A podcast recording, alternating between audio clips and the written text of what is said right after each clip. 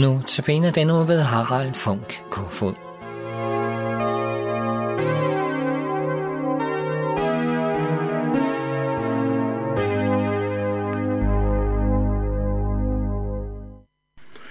Lad os bede. Kære Gud, vi lægger også denne stund i dine hænder og beder om du velsigne det, vi skal lytte til. I de to forudgående dage har vi hørt om profeten Jonas, og vi skal fortsætte i dag. Og hvis du følger med i Bibelen, så er det på side 823 i den autoriserede udgave.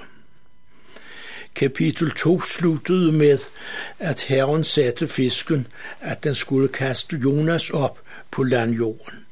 Og nu læser jeg kapitel 3.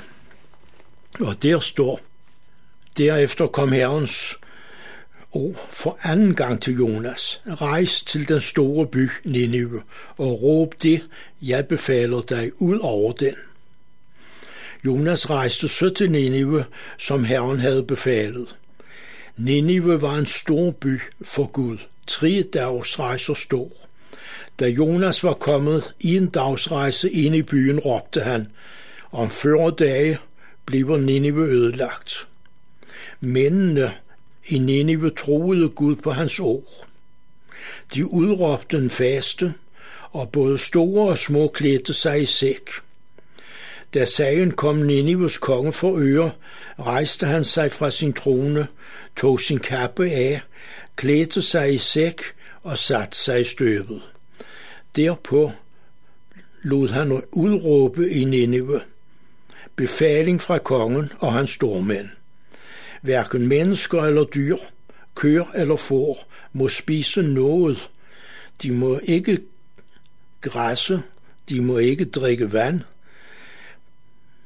Både mennesker og dyr skal klæde sig i sæk og råbe til Gud af almagt. De skal vende om til fra deres onde veje og holde op med at øve vold. Måske vil Gud så fortryde og vende om fra den glødende vrede, så vi ikke går til grunde. Da Gud så, at de vendte om fra deres onde, onde vej, fortrød han og bragte ikke den ulykke, som han havde troet med. Vi hørte her, at Herrens ord kom anden gang til Jonas. Vi øh, lægger mærke til, at Gud vil have sin gerning gjort, og fordi Jonas ikke ville gøre det, Gud ville i første omgang, var Gud så nådig og langmodig og tålmodig, at han reddede ham fra at drukne, da han blev kastet over bord.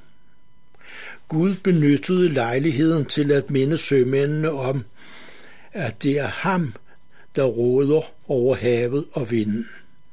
Og han kaldte en gang til på Jonas, fordi han elskede og elsker alle mennesker, også dem i Nineve, selvom de ikke hørte til Guds udvalgte. De var jo hedninge folk. Herren sagde til Jonas, rejs til den store by og råb det, jeg befaler dig ud over den. Nu rejste Jonas til Nineve, som Herren havde befalet.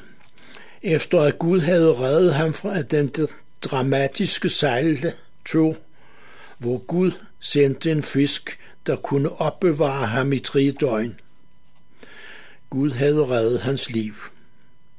Vi læser også, at Nineve var en stor by selv for Gud.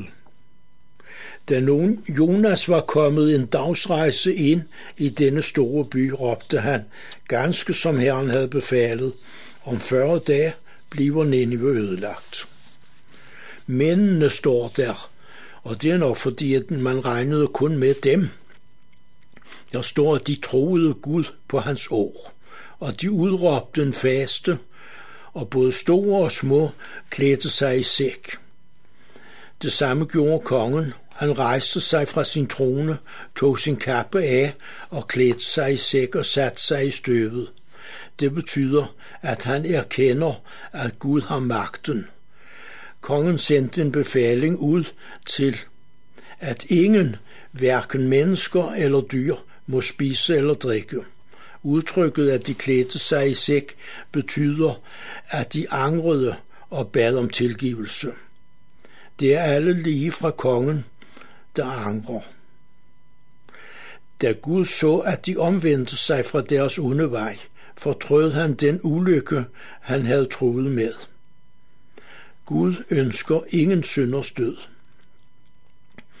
Jesus har jo sonet alt, hvad der var mellem Gud og os. I 2. Korintherbrev kapitel 5, vers 21 læser vi ham, det er altså Jesus, der ikke kendte til synd, har han, det er altså Gud, gjort til synd for os, for at vi kunne blive Guds retfærdighed i ham. Lad os takke og bide.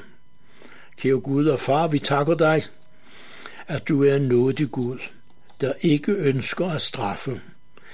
Vi takker dig, Jesus, fordi at du betalte med dit eget liv, for at vi skulle slippe for straffen. Amen.